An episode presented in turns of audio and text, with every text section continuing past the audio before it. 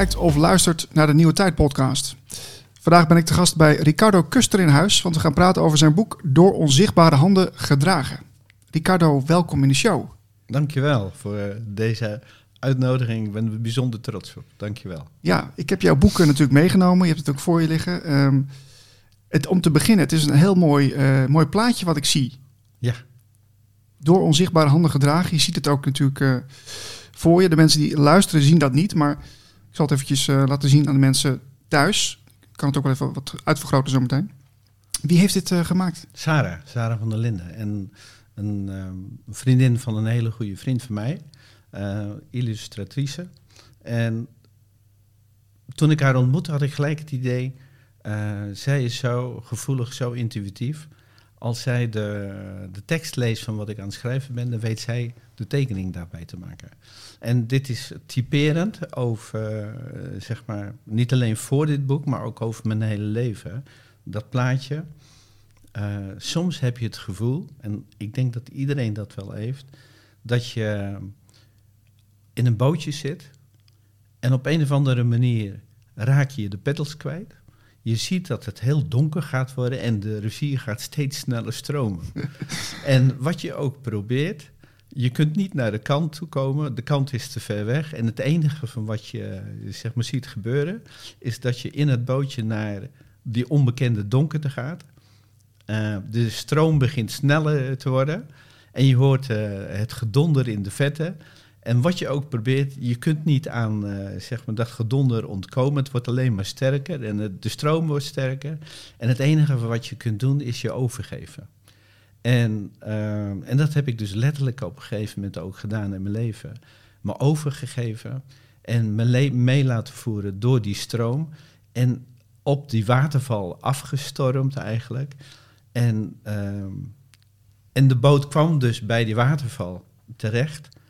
En in plaats van um, dat ik me verzette, gaf ik me eraan over. En het gevoel was op dat moment, en niet alleen het gevoel, maar ook het beeld, dat de boot die viel, maar die werd gedragen en die werd zachtjes op het water weer neergelegd. En de, de les ervan was, uh, als je accepteert wat er gebeurt, dan is wat er gebeurt altijd met een reden. En het is niet zo erg als dat je denkt. En je komt altijd weer op uh, ja, de bodem terecht. Ja, precies, precies. Ja, het, het, boek is uitgegeven door de uitgeverij van Warven. Ja. Um, en achter op het boekje staat een, een tekstje wat ik even wil voorlezen. In de jaren 1956, 1957 hebben zijn ouders de keuze gemaakt om het mooie Indonesië te verlaten voor het onbekende vaderland. Geboren in Indonesië werd Ricardo Kuster vanwege de vele veranderingen op wereld- en bewustzijnsniveau meegenomen op een letterlijke reis van ontdekkingen. Ja. En het eerste wat ik, wat ik las in jouw boek was um, jouw persoonlijke geschiedenis. Hè? Ja. En dat, dat, dat, dat raakte mij meteen toen ik het las. Want daar heb je ook, daar heb je ook behoorlijk wat in moeten doorgronden, doorworstelen. Uh, vooral met jouw vader en moeder, hè, hoe die waren. Ja. De patronen waar ze in zaten en wat je daar weer, hoe dat jou beïnvloedde eigenlijk. Um, hoe, hoe was het voor jou om van Indonesië naar Nederland te komen? Wil je dat eens met ons delen? Ja, um, wij kwamen terecht eigenlijk in een heel koud uh, Nederland. En uh, de Nederlandse overheid die uh, stond natuurlijk wel bij. Die hielp ons naar speciale wooneenheden. Ja, sommigen noemden dat dan gewoon barakken. Maar wij waren de, de vluchtelingen van die tijd. Ja, ja, ja. En, uh, maar we werden wel opgevangen. En, um, en dat heeft uh, in de gedachten van vele Indische mensen, ook mijn ouders, toch wel wat uh, verbazing op zijn zachtst uitgedrukt, zeg maar, gecreëerd. Het was koud. Het was um, ja, geheel anders dan wat zij dus gewend waren in het warme Indonesië. Vriendelijkheid was ook zeg maar anders. Um, en ja, ze werden gewoon in feite aan hun lot overgelaten. En, en dat typeerde eigenlijk al gelijk zeg maar het verblijf hier in Nederland. Het was heel anders dan dat ze verwacht hadden. En dat straalde ook op ons over. En toen wij eenmaal in een klein dorpje in Nederland, Lopik genaamd, zeg maar een huis mochten betrekken toen waren wij met drie Indonesische gezinnen, eigenlijk over vele kilometers uh, verspreid, eigenlijk de enige Indische mensen in de buurt. En als je niet uh, in de spiegel keek, dan had je niet in de gaten dat je dus gewoon anders eruit zag. Ook kleiner. Ik was vooral de kleinste die, die er was. Maar dan had je dat niet zozeer in de gaten. Alleen je kreeg dat wel terug uit de reacties. Want mensen vonden jou zo bijzonder, omdat je anders uitzag. Ik zag er anders uit. Mijn, mijn broers en, uh, en zusjes ook, uh, die, die zagen er natuurlijk altijd anders uit. En, maar wat, wat kreeg je voor reactie dan? Nou, dat waren uh, niet altijd positieve. Uh, veel positief, want ik heb een hele leuke en gelukkige jeugd in, in Lopik mogen hebben. Ook veel vrienden gehad. Maar er waren ook wel andere dingen. Ehm, ja, ons gedrag was natuurlijk ook heel anders dan de cultuur op dat moment van Lopik. Ja, dus je kwam eigenlijk in een totale andere cultuur terecht als dat mijn ouders van, vanuit Indonesië meenamen en ook bij ons in huis als een uh, vanzelfsprekendheid hadden. Ja, ja. En mijn vader zei ook vaak van ja, in huis is het een uh, stukje Indonesië, maar daarbuiten moeten we ons daar wel natuurlijk in aanpassen. Ja, precies. Oké, dus als ik het goed begrijp, uh, maakte jouw vader ook wel onderscheid in hoe je je kon gedragen in Indonesië en in Nederland? Ja, ja. Kun je daar een voorbeeld uh, van geven? Ja. Um, mijn vader die, uh, had wel degelijk uh, ideeën over hoe wij ons zouden moeten gedragen in, in Nederland. Uiteindelijk was mijn opa, zijn vader, was een, een, Nederlandse militair. Dus hij had wel degelijk het idee hoe het zou moeten. Um, maar binnenin, um, in huis, dus zei hij altijd, dit is een stukje Indonesië. En uh, daar ben ik gewoon wie ik ben. Dus hij gaf eigenlijk al aan dat wat hij eigenlijk buitenhuis moest zijn, dat dat altijd niet helemaal zichzelf was. Uh, de gereserveerdheid, uh, ja, dat, dat pakte ik wel van hem over. En uh, dat je dan toch voor de buitenwacht iets anders moest zijn. Ja, dat had ik wel van hem. Ja, dat zijn dan wel, wel weer patronen eigenlijk, hè? Ja. Die, die je dan verder in je leven dan weer uh, toch weer meeneemt. Ja. En uh, de, kon je die later al snel inzien, zeg maar, dat, dat, dat, uh, dat je dat deed? Ja, ja, um, ja en dat, dat gebeurde dan vooral um, op het moment dat ik begon met mijn trainingen op het gebied van spiritualiteit, intuïtieve readingen. En daar moest je je eigen motivaties, je eigen drives moest je gaan, uh, gaan ontdekken. Uh, de reden waarom je de wereld in keek zoals je op dat moment keek. En toen kwam je natuurlijk uh, heel veel in aanraking met de sociale overdracht van niet alleen mijn ouders, maar eigenlijk nog veel verder. De, de sociale overdracht die door het DNA van mijn ouders eigenlijk ook door werden gegeven aan, aan mij en ook natuurlijk aan mijn broers en zusters. Dus die moest je dan zien te, te ontdekken. En ja, daar kwam je wel uit op uh, wat je eigenlijk allemaal mee had genomen. Wat ik eigenlijk allemaal mee had genomen. Ja, ja want ik, wat mij ook zo raakte, is die overtuigingen die je, met name jouw vader met zich meedroeg. Ja. Hè, van het niet goed genoeg voelen. ja. En, en dat, dat jij daar ook last van hebt gehad. Ja, zeker. En eigenlijk tot, nou ja, je hebt, je hebt, kun je nagaan dat er soms een leven overheen gaat bijna om dat, te, om dat voor een groot deel door te werken? Ik weet nog goed dat ik uh, bij Meri de Naro, dat was uh, een van die fantastische mensen die in mijn leven zijn geweest, mijn eerste indrukken opdeed met aura healing, aura reading. En um, wat zij eigenlijk bij mij naar boven bracht, was dat je alles wat je meemaakt, dat dat gebeurt om een bepaalde reden. En, en hoe vervelend het ook kan zijn op het moment dat je zoiets meemaakt, het heeft altijd een bepaalde kracht. En, uh, en later zei iemand ook ooit weer tegen mij van, weet je, als je hier op aarde kunt uh, leven, dan kun je overal in het hele universum leven. Want hier bouw je zulke spirituele spieren op. oh, wauw. ja. ja, dat belooft nog wat dan. Ja, absoluut. absoluut. Ja. Um, waarom wilde je jouw verhaal eigenlijk um, graag in een boek uitbrengen? Het begon eigenlijk met het idee. In 2006 was mijn vader uh, zeg maar aan het eind van zijn leven uh, gekomen. En ik zei tegen hem, ik zeg, pa, als mijn kinderen vragen aan mij van wie was opa, dan kan ik eigenlijk niet zeggen, echt helemaal goed zeggen wie jij bent geweest. En toen zijn we, vanaf dat moment zijn we elke zondagmorgen eh, zijn we met een kopje koffie erbij zijn we opnames gaan maken over wat mijn vader in het leven allemaal heeft meegemaakt en eh, wat hij is tegengekomen. En uh, dat was zo, waren zulke mooie momenten. En later, toen hij eenmaal uh, al een tijd overleden was, dacht ik bij mezelf, ja, maar dan moet ik natuurlijk ook wel mijn kinderen kunnen doorgeven. Niet alleen wie mijn vader is geweest, maar wie ik zelf dan ook ben. En, um, en inmiddels had ik ook zoveel dingen uh, gezien en meegemaakt uh, vanuit mijn spirituele reizen die ik maakte, maar ook uh, fysieke reizen. En toen dacht ik, ja, um, dan wil ik gewoon wat neerleggen, dan wil ik wat achterlaten voor allereerst mijn twee kinderen.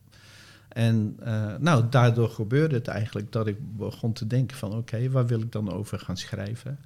En toen is het eigenlijk zo gebeurd. Ja, Wow. Maar het boek duurde nog wel 2,5 jaar. Oh, oké. Okay. Ja, nou goed. Maar het mag wat tijd kosten natuurlijk. Ja, ja, ja. Uh, ik heb eventjes uh, een pagina uitgezocht, pagina 50, um, waarin je in de eerste alinea vertelt wie jij bent en waar je vandaan komt. Zou, zou je dat eens willen voorlezen? Ja, dat is goed. Wie ben ik en wie ben jij? Wie jij bent, weet ik niet precies. Wie wij, wie wij zijn, dat weet ik wel. Want we zijn verbonden met elkaar. We bestaan uit dezelfde atomen en halen onze informatie vanuit dezelfde universele bron. Wij zijn ontstaan uit dezelfde bron en hebben allen gekozen om op deze mooie planeet tijd door te brengen en ervaringen op te doen. Ja, het, is echt een, het klinkt echt als er iets van, waar heel veel wijsheid in zit, hè, de, deze tekst. Het is een klein stukje tekst. Maar uh, hoe, hoe ben je tot het inzicht gekomen? Ja, dat is een kwestie van leven geweest. um, hoe dat nou begonnen is, is eigenlijk vanuit een verlangen om te weten wie ik eigenlijk zelf echt ben. Uh, jij vroeg, uh, van hoe was het om in Nederland te zijn? Ik was anders dan, dan de rest, dan de omgeving. En dat heeft me ertoe gebracht om te denken, ja, waarom ben ik dan anders? En, en uh, waarom zijn zij dan anders? En wat betekent dat dan?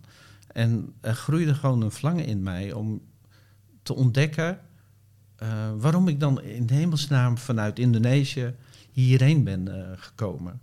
Um, en wat die verschillen dan eigenlijk, zeg maar niet alleen betekenen, maar wat ze dus ook konden brengen. En uh, ik maakte al vroeg in mijn leven mee uh, paranormale verschijnselen, zoals ze dat uh, populair noemen. Ehm, ik had ontmoetingen met eh, mijn overleden grootvader. En ik was altijd al een beetje getrokken tot dat mystieke. En op mijn 21ste maakte ik kennis met de boeken van uh, Gijsbert van der Zeeuw. En ik las uh, zeg maar bepaalde passages en toen dacht ik van dit wil ik en dit wil ik weten. En, uh, en dat raakte me zo diep dat ik uh, ging zoeken naar wie mij hierover nog meer kon vertellen.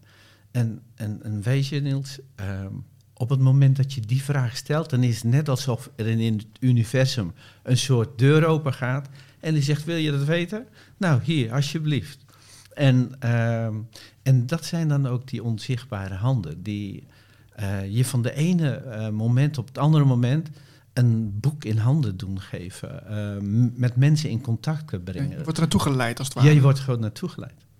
Ja, en, en hoe was het in die tijd voor jou? Want het, wat, wat, wat voor jaren hebben we het erover? Jaren 60, 70? Nou, in 21, toen ik 21 was, was het 1976. Ehm, nog steeds woonachtig in een klein dorpje gereformeerde mensen, hervormde mensen, in ieder geval heel veel religieuze uh, mensen.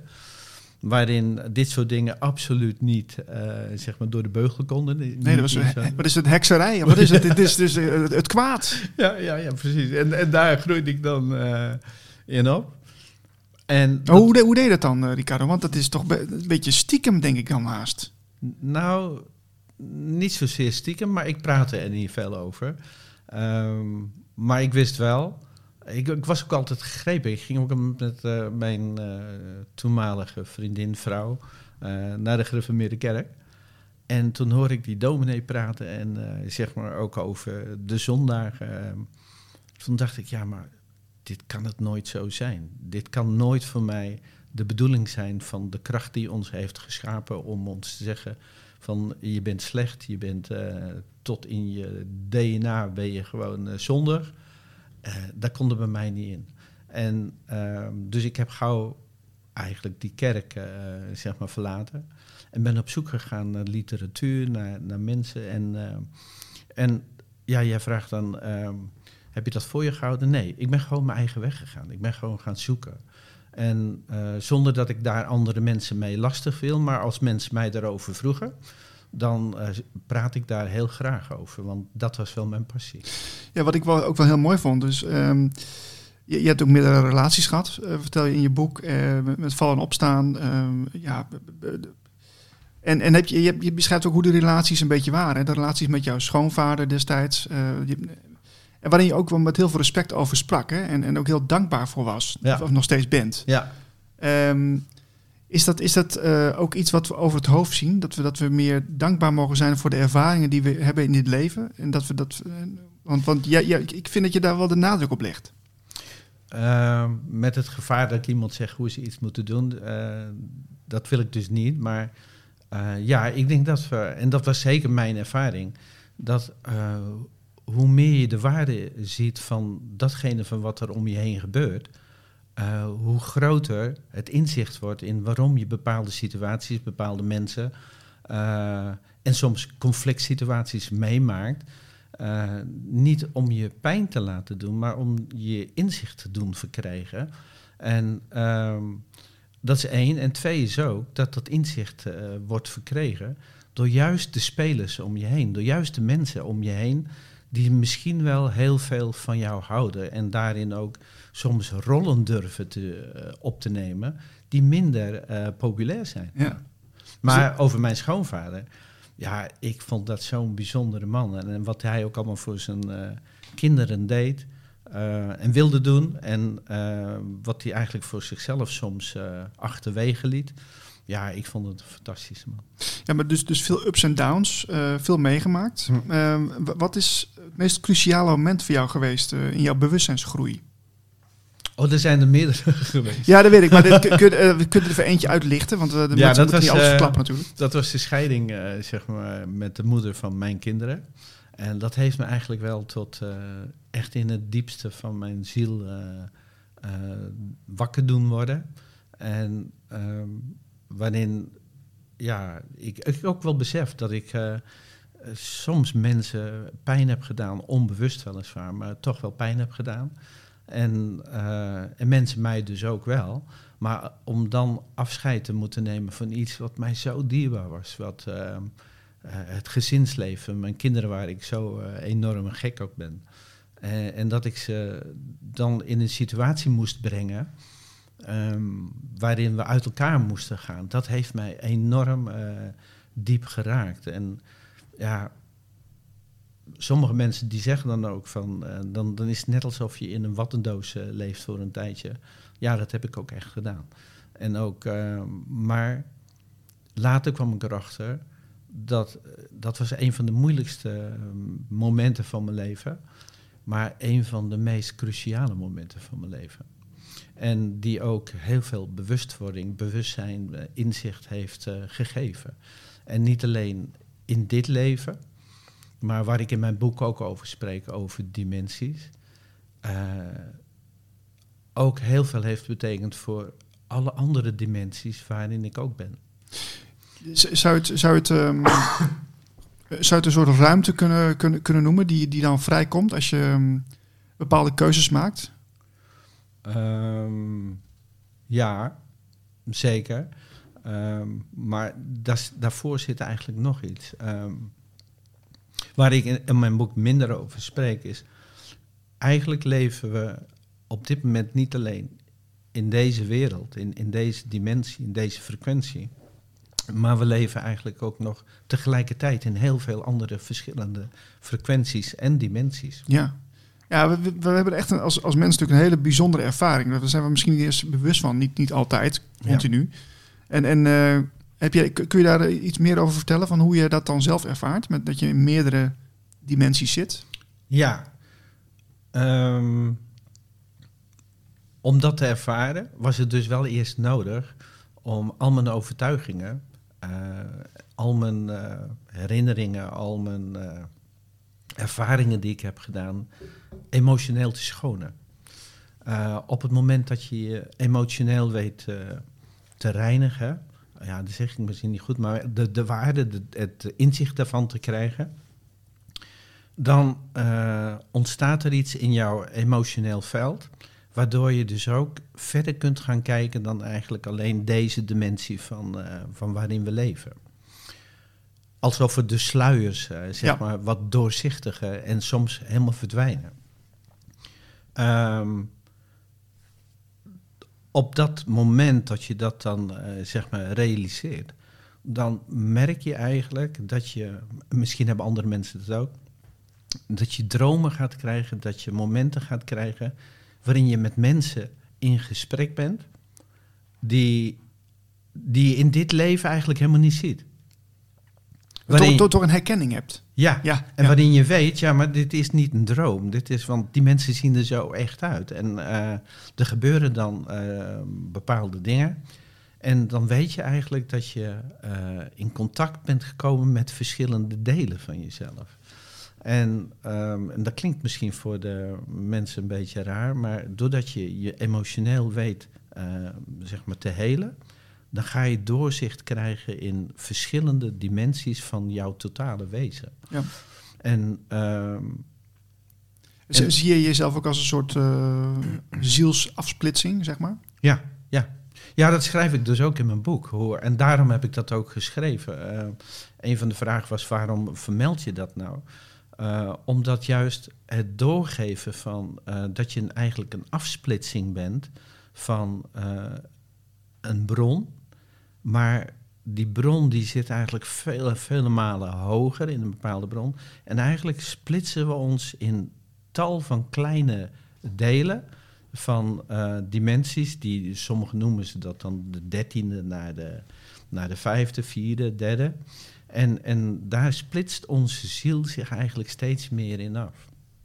En, uh, en wat je dan doet als je weer die eh, weg terug aan het uh, lopen bent, dat je dus die, die emotionele clearingen hebt gedaan, dan ga je weer in contact komen met andere deeltjes van jouw ziel. En, uh, en dat gebeurt op een horizontaal vlak. zeg maar, nu maken wij ook, en dat klinkt raar, maar je bent eigenlijk nu met meerdere zielendeeltjes van jezelf in deze wereld bezig. Maar al die zielendeeltjes, die hebben eigenlijk ook weer een hogere stap. En die hogere stap, die bestaat dus ook weer uh, zowel horizontaal als verticaal. En zo oh. kun je nog zeg maar verschillende dimensies hoog gaan. Het klinkt als een heel uh, complex bouwwerk eigenlijk. Ja, dat is het ook. En, uh, maar het is ook een heel bijzonder bouwwerk. Want zo kun je met uh, je dimensies in andere uh, lagen uh, contact gaan maken. Maar dat vereist dat je spiritueel dient te groeien. En wat spiritueel dient te groeien, wat betekent dat? Dat je daarin bepaalde gebieden van jezelf moet integreren. Moet, of kunt integreren, laat ik dat zo maar zeggen. Kunt helen. waardoor je DNA de gelegenheid krijgt om informatie die in jouw DNA zit, maar ook wat ehm, de wetenschappers eigenlijk uh, beschouwen als nutteloze uh, DNA. Oh, trash DNA. Ja. ja.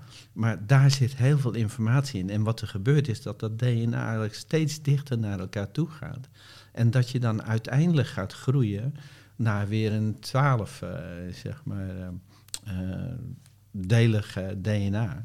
En, en daardoor krijg je ook weer zicht op je dimensies. Hmm, Oké, en is dat, is dat ook, denk jij, de bedoeling uiteindelijk? Dat we, dat we weer tot uh, een soort eenheid ja, toegroeien? Dat, dat denk ik. En, uh, maar dat is mijn persoonlijke overtuiging. Maar ja, ja, okay. uh, ik denk ook dat dat eh, zeg maar de reden is geweest um, voor waarom we hier zijn. Um, wij kunnen gewoon door eh, groei, persoonlijke groei, kunnen we ons DNA helen. Ehm, en daardoor kunnen we weer al onze mogelijkheden gaan gebruiken die we van nature eigenlijk hebben. En het grappige is, in, ehm, in ons etherisch lichaam is het eh, DNA compleet. Alleen tussen het etherisch lichaam en het fysieke lichaam, daar zijn implantaten ingebracht, waardoor je dat niet altijd kunt uh, gebruiken. We zijn eigenlijk gehackt. Ja, maar om een goede reden. Ehm, want dan kun je zeggen van, uh, ja, dat is uh, zeg maar zonder onze wil gedaan. Nee, er zit wel een reden achter. Stel voor dat we zoveel kennis, zoveel um, um, wetenschap zouden hebben vanuit onszelf. Uh, en moet je eens nagaan hoe we op dit moment omgaan met, met onze medemensen. Mhm. Uh, voordat we die kennis krijgen om te kunnen reizen, kunnen, te kunnen creëren wat we zouden willen creëren, dan moeten we natuurlijk wel eerst spiritueel gegroeid zijn. Om ook te beseffen dat wat we een ander aandoen, we eigenlijk onszelf aandoen. Ja, omdat we dus eigenlijk allemaal bestaan uit, het, uit, het, uit hetzelfde heelheidsprincipe. Jij vraagt hoe weet je dat? Uh, ja. Dit zijn de lessen die we uh, moeten doorgaan. En als je het examen in principe hebt afgelegd, dan krijg je weer een stukje DNA-informatie je toegevoegd. Oké, okay, oké, okay, interessant. Um, ja, je hebt, in je boek heb je het ook over de herkomst, hè, waarin je vier soorten bedoelt. Ik vond het ja. wel een heel uh, interessant stukje, want je hebt het over buitenaardse. Ja, ja, ja, Ik hou van buitenaardse hoor. Ik, uh, ik vind het allemaal heel, heel interessant. De leeuwenmensen heb je het over, de vogelmensen, de hagedismensen en de humanoïde gewone mensen. Ja. Heb je zelf ervaringen met een van deze rassen? Ja. Um, ja, sowieso met alle, denk ik. Um, wil, wil je daar iets over delen? Een ervaring misschien? Ja, uh, de vogelmensen, uh, die kennen we eigenlijk allemaal vanuit uh, zeg maar de beeldenissen die je ook in de piramides zeg maar, ziet. de blue ones. En in meditaties kun je, als je dat wil, kun je op hun afstemmen. En het is niet gelogen op het moment dat je intentie zuiver is, op het moment dat je zegt van ik wil gewoon met jullie in contact komen en ik wil leren, dan, uh, en als je de tijd ervoor neemt en je gaat zitten, je, gaat, je maakt jezelf rustig van binnen, dan krijg je een boodschap. En um, sommige mensen die voelen, sommige mensen die horen, um, sommige mensen die ruiken. Uh, ik ben iemand die hoort, hoort en ook kan zien. En ik voel het ook. En, uh, en wat ik zag was uh, inderdaad een heel mooi blauw wezen met een vogel, zeg maar. En die heeft me bepaalde dingen, zeg maar, laten zien, ook geleerd. En, en dat zijn hele bijzondere momenten dat je dan maakt. En, en, en, tegelijkertijd kom je dan weer van, zie ik dat dan wel echt? En, maar ja, dat, dat zie je dan echt. En dus die zijn dan ook heel in een, in een gedachtenvers zijn ze van je vandaan. En ze zijn ook in een gedachte direct bij je. En um, zij houden jou in de gaten. Zij houden mij in de gaten. Ze weten gewoon eigenlijk wat er gaat komen. Uh, eerder nog dan dat ik het weet. Ja, dat, dat, kijk, als, het, als het inderdaad wezens zijn met een hogere dimensie, die, die, die zijn al een aantal stappen voor, zeg maar. En die, die, ja, die, zijn, die, die, voorzien wat er gaat gebeuren. Of misschien de mogelijkheden kunnen ze overzien, ja. die, wij, die wij niet kunnen overzien. Ja. Uh, maar heb, jij, heb je ook het idee dat, dat ze aan jou verwant zijn? Um, of hoe, hoe werkt het überhaupt? Heb je, daar, heb je daar een idee van? Ja, ik ben meer verwant aan de, de leeuwenmensen. Ik ben ook een keer uh, meegenomen door ze. Um, en dat was, uh, wij, denk, wij leven hier op een planeet. Um, en er zijn heel veel uh, stelsels, heel veel planeten waar je in de planeet woont. En um, de leeuwenmensen, uh, tijdens een van mijn meditaties uh, werd ik door ze meegenomen naar een bepaalde bijeenkomst. En ik werd daar onthaald. En er werd mij verzekerd dat ze me zouden helpen om onder andere ook dit boek te schrijven. Oh, wauw, tof. En, uh, en dat was ook wat er gebeurde. elke keer dat ik, zeg maar, s'morgens vroeg ging zitten om te schrijven, dan eh, was het alsof een stem tegen me zei van dit moet je anders schrijven, dat moet je zo en zo schrijven. En, uh, en dan kwamen er ook ideeën, dan kwamen er ook onderwerpen naar boven die relevant zijn voor het boek. Ja. Zo. En dat zijn, uh, en de leeuwmensen en de vogelmensen, die zijn verantwoordelijk geweest voor in dit universum, en er zijn vele universa, maar die zijn verantwoordelijk geweest in, in dit sterrenstelsel, uh, zonnestelsel, voor uh, de creatie van de planeten. en de vogelmensen, die hebben eigenlijk de magnetische structuren daarvoor ontworpen, ontworpen. En de leeuwenmensen hebben eigenlijk ons als humane, uh, humanoïde mensen eigenlijk uh, gebouwd. Onze lichamen gewoon. Zo. Ja. En, en maar zijn die dus, uh, die, die zijn dus de, de creators zeg maar, van, van deze werkelijkheid? Ja. Um, en, en zien zij dit als een soort speelplaatsachtige plek waar je kunt groeien? Of hoe zien ze deze planeet eigenlijk? Ja, sommige mensen noemen dit ook wel een, uh, het derde spel.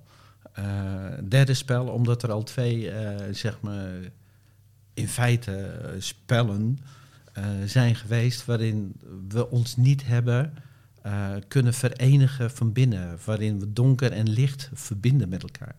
En ik denk dat dat, maar dat is mijn persoonlijke overtuiging, dat dat een van de basisopdrachten is voor ons nu om onszelf in onszelf te verbinden, donker en licht.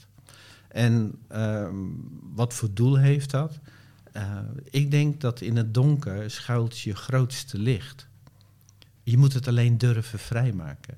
En ik las ook nog uh, vanmorgen nog zoiets moois.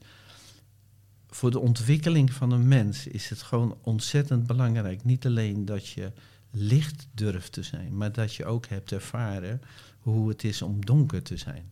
En donker is eigenlijk niks anders als niet bewust. Niet bewust van uh, wie jij bent, wie een ander is en wat er eigenlijk om je heen gebeurd is. En, uh, maar dat heeft allemaal een functie.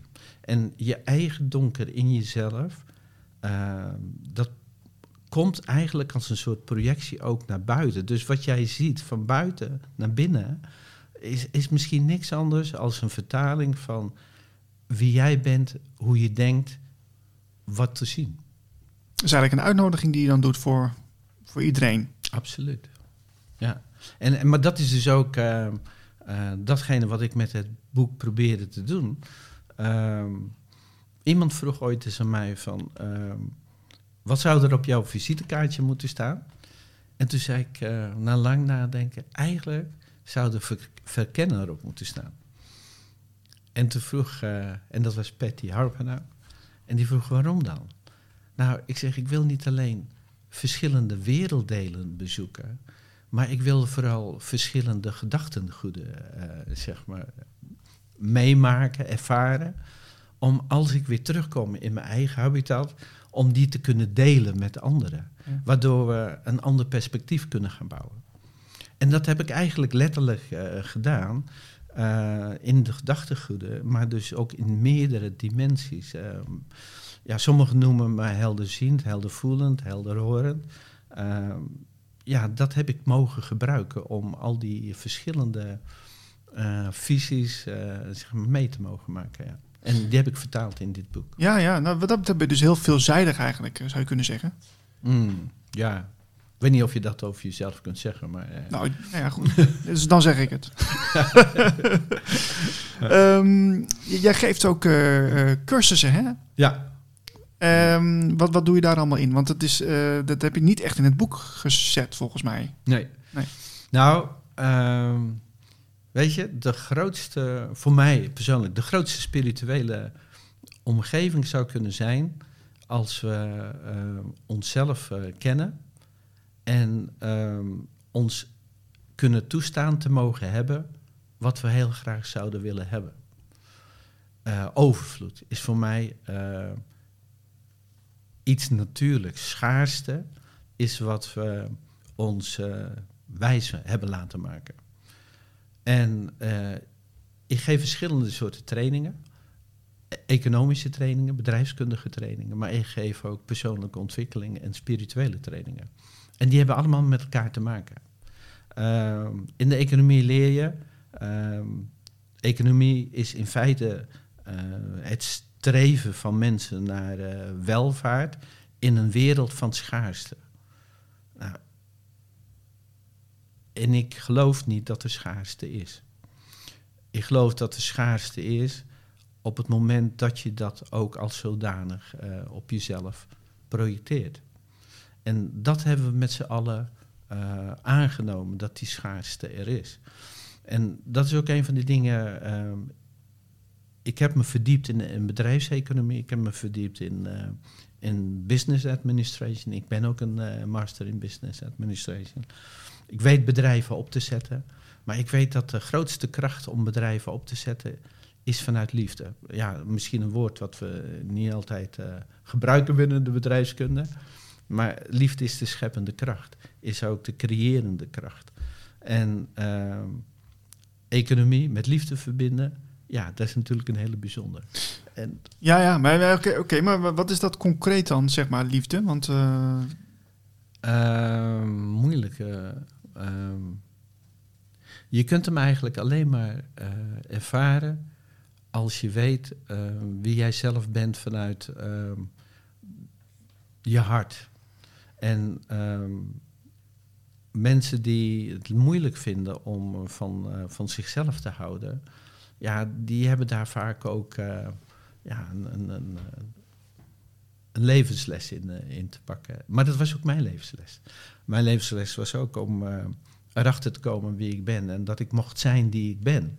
En dat was trouwens ook eh, vanuit mijn jeugd, doordat ik Indisch ben, eh, was ik anders dan anderen. Dus wat ik al vertelde, ik, mijn vader zei van ja, dan moet je aanpassen. Maar Ja, daardoor precies. ga je eigenlijk een stukje verwijderen van wie je eigenlijk echt van binnen bent. ja, je raakt verwijderd daardoor. Ja. Ja, Ja. En, maar dat is precies het scenario wat nodig was om mij te brengen bij eh, het doel van uiteindelijk zijn te, wie je bent. En, en daarvan te houden. En, ehm, en dat is een lange weg geweest. Maar uiteindelijk, eh, ik ben er uiteindelijk eindelijk wel gekomen. Ja, ja, ja, ja zeker. Ah, het, is, het is ook wel. eh, Het, het zijn dus verschillende persoonlijke crisissen, zou je kunnen zeggen, Ja. die, die, die je dan doormaakt. En eh, je, je, je, raakt het donker van jezelf. En dat dan, wat automatisch gebeurt, is dat je dan via het donker bij het licht uit kunt komen. Ja, Kunt komen. Hè? ja. ja. Maar, en, maar dat is niet voor iedereen toch zo, per se. Nee, maar die vraag laat ik ook open. Al omdat eh, ook weer de insteek van het boek is om, om mensen te inspireren om op zoek te gaan naar wie zij zijn. Ehm, wat ze hier komen doen. En eh, dat is voor mij eh, zeg maar het doel van waarom ze hier zijn. Eh, en iedereen heeft de mogelijkheid om het doel na te leven of zelfs te zijn waarvoor ze zijn gekomen. En ehm, dus weten wie je bent, eh, wat je hier komt doen.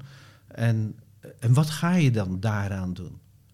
En, eh, want dat zijn de volgende stappen. Als, als je eh, weet wie je wilt zijn, dan moet je dan daar ook die volgende stappen in gaan nemen.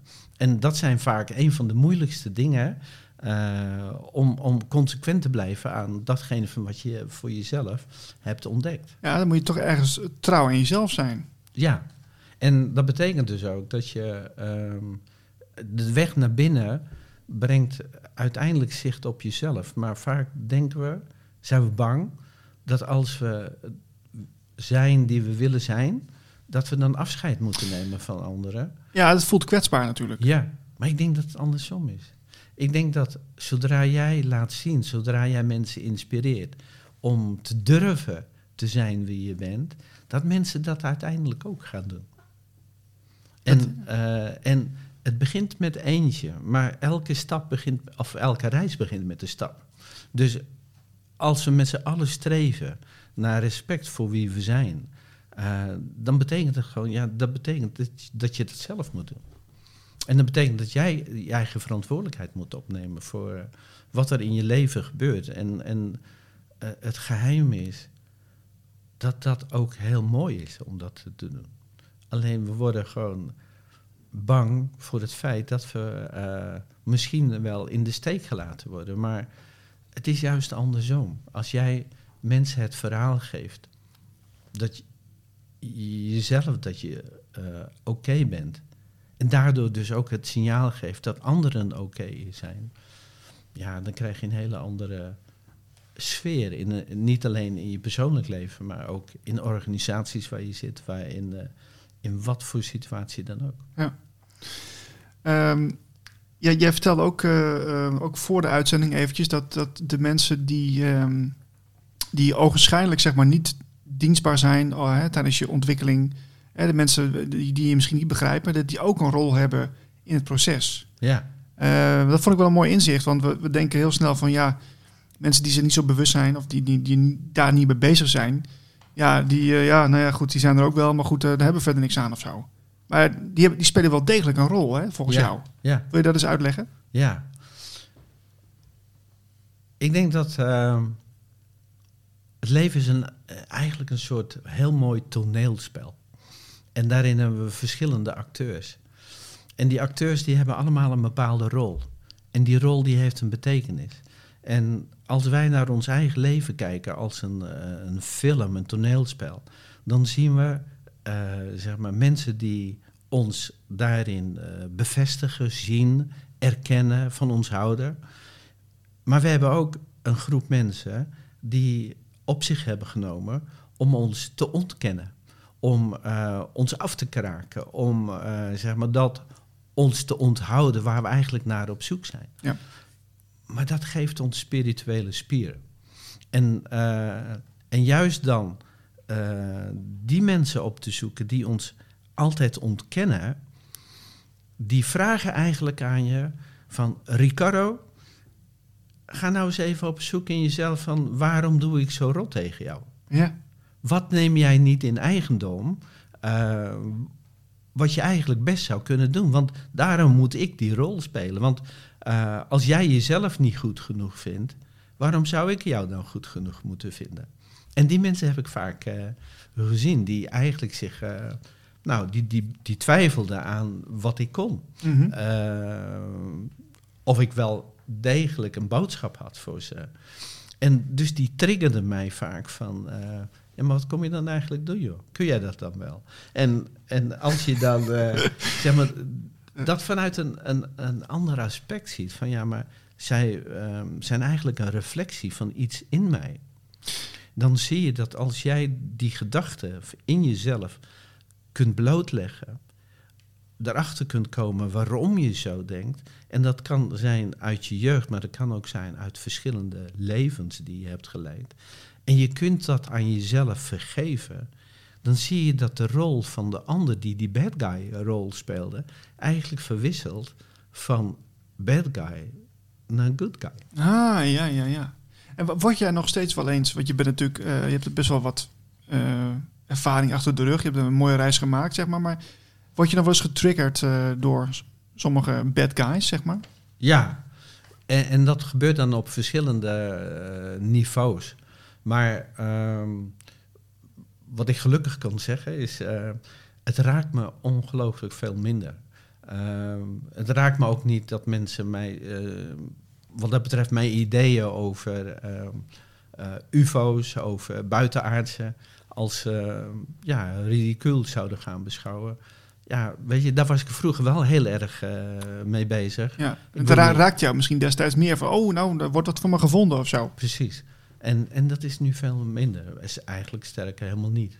En het komt door je bewustzijnsontwikkeling, eh, volgens jou, dat je daardoor ehm, meer die inzichten integreert, eigenlijk, en waardoor je daar, dat, dat laat je koud dan op een gegeven moment. Nou, het laat me zelfs geen eens koud. Oké. Ja. Nee, wel een gek voorbeeld. Je, je ziet hier veel muziekinstrumenten om me heen. In het, eh, ik moest ook heel veel muziekopnames maken. En, ehm, en als ik een fout maakte als bassist bij een opname...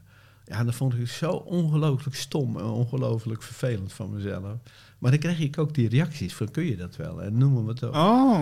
En eh, totdat je dan leert van ja, maar ik moet gewoon bij mezelf blijven. Ik moet gewoon eh, vertrouwen op wie ik ben. En eh, op mijn eigen creativiteit, op mijn eigen energie. Dat klinkt simpel, maar weet je, dan zijn er geen critici meer die zeggen van kun jij wel die baspartij spelen. Maar op het moment dat ik niet zeker ben, op het moment dat ik niet denk dat ik die baspartij kan spelen, dan gelooft iemand niet in mij. Maar op het moment dat ik hem speel en ik speel hem dan met eh, de mooiste, eh, zeg maar, loopjes, linkjes, noemen we het ook. Ja, dan, dan doet het er niet meer toe, snap je? Ja, ik snap het, ik snap het. Ehm, tot slot, Hm. wat leren mensen nou als ze jouw boek hebben gelezen? Nou, het is niet mijn insteek om mensen iets te leren. Want eh, kennis en wijsheid, denk ik dat dat bij de mensen, zeg maar, zelf aanwezig is. Wat ik wel mensen wil geven met dit boek, is ehm, de inspiratie. En, en de inspiratie met name om te accepteren dat je zelf uniek bent. En waarin je uniek bent, dat, dat is het cadeautje wat je zelf moet uitpakken. En, ehm, en dat zou ik mensen heel erg graag willen toewensen. Dat ze ontdekken hoe uniek, hoe speciaal en hoe mooi ze eigenlijk van binnen zijn. En dat ze dat ook beginnen te geloven. Want dat is denk ik een van onze grootste mankementen in deze wereld. Is dat we niet geloven hoe we kunnen zijn en wat we kunnen zijn. En ehm, ja, en, en dat is eigenlijk de, de insteek voor dit boek. Ik ben vreselijk eh, dankbaar voor alle dingen die ik eh, eh, zeg maar later in mijn leven heb terug mogen kijken, bedenken van ehm, wat me de inzichten heb doen, hebben doen geven over wie ik ben. En, ehm, en dat is een, een gevoel. Dan zit je s'morgens om half zeven, zeven uur zit je al twee uur te schrijven aan je boek. En dan ervaar je opeens een, eh, een moment van geluk, gelukzaligheid. Ehm, en dat is onbeschrijfelijk. Dat kun je niet, eh, ja, dat kun je niet overbrengen. Dat is een gevoel. Maar dat gevoel, dat zou ik iedereen willen geven. Eh, Da- daar heb je niemand voor nodig. nee, nee. Mooi. Ricardo, dank voor je tijd. Ik vond het een mooi gesprek. Ik ook. En dankjewel voor de kans om dit te mogen vertellen. Ja, en, en eh, nog even voor de mensen die dit eh, willen lezen. Hoe, hoe kunnen ze jouw boek kopen? Het is overal te krijgen, eh, bol.com, maar ze kunnen het ook bij Van Warven producties of uitgeverijen, kunnen ze dat bestellen. Ehm, en ze kunnen me ook via mijn website hierover eh, ehm, berichtjes sturen. Eh, mijn website is ricardokuster.nl, dus www.ricardokuster.nl. Daar kunnen ze ook het boek eh, eh, zien. Kunnen ze ook zien welke activiteiten ik zeg maar uitvoer met betrekking tot ontwikkelingen. Maar ja, ze kunnen dus overal kijken. Helemaal goed. Ik zet het ook even onder de video. Dus kunnen mensen sowieso makkelijk jouw boekje bemachtigen. Ja, Eh, dank voor je tijd. Eh, wij gaan verder, want volgende maand zijn we weer met een nieuwe editie van de Nieuwe Tijd podcast. We zijn inmiddels niet meer elke week, maar nu één keer in de maand. En ehm, ja, eh, je kunt mij steunen als je een bedrag overmaakt via mijn website blikopdemaatschappij.nl. Ga naar het kopje steun. En dan kunnen we wekelijks of maandelijks of één keer eenmalig steunen als donatie. En ehm, nou, dank voor het kijken en graag tot de volgende keer. Bye bye.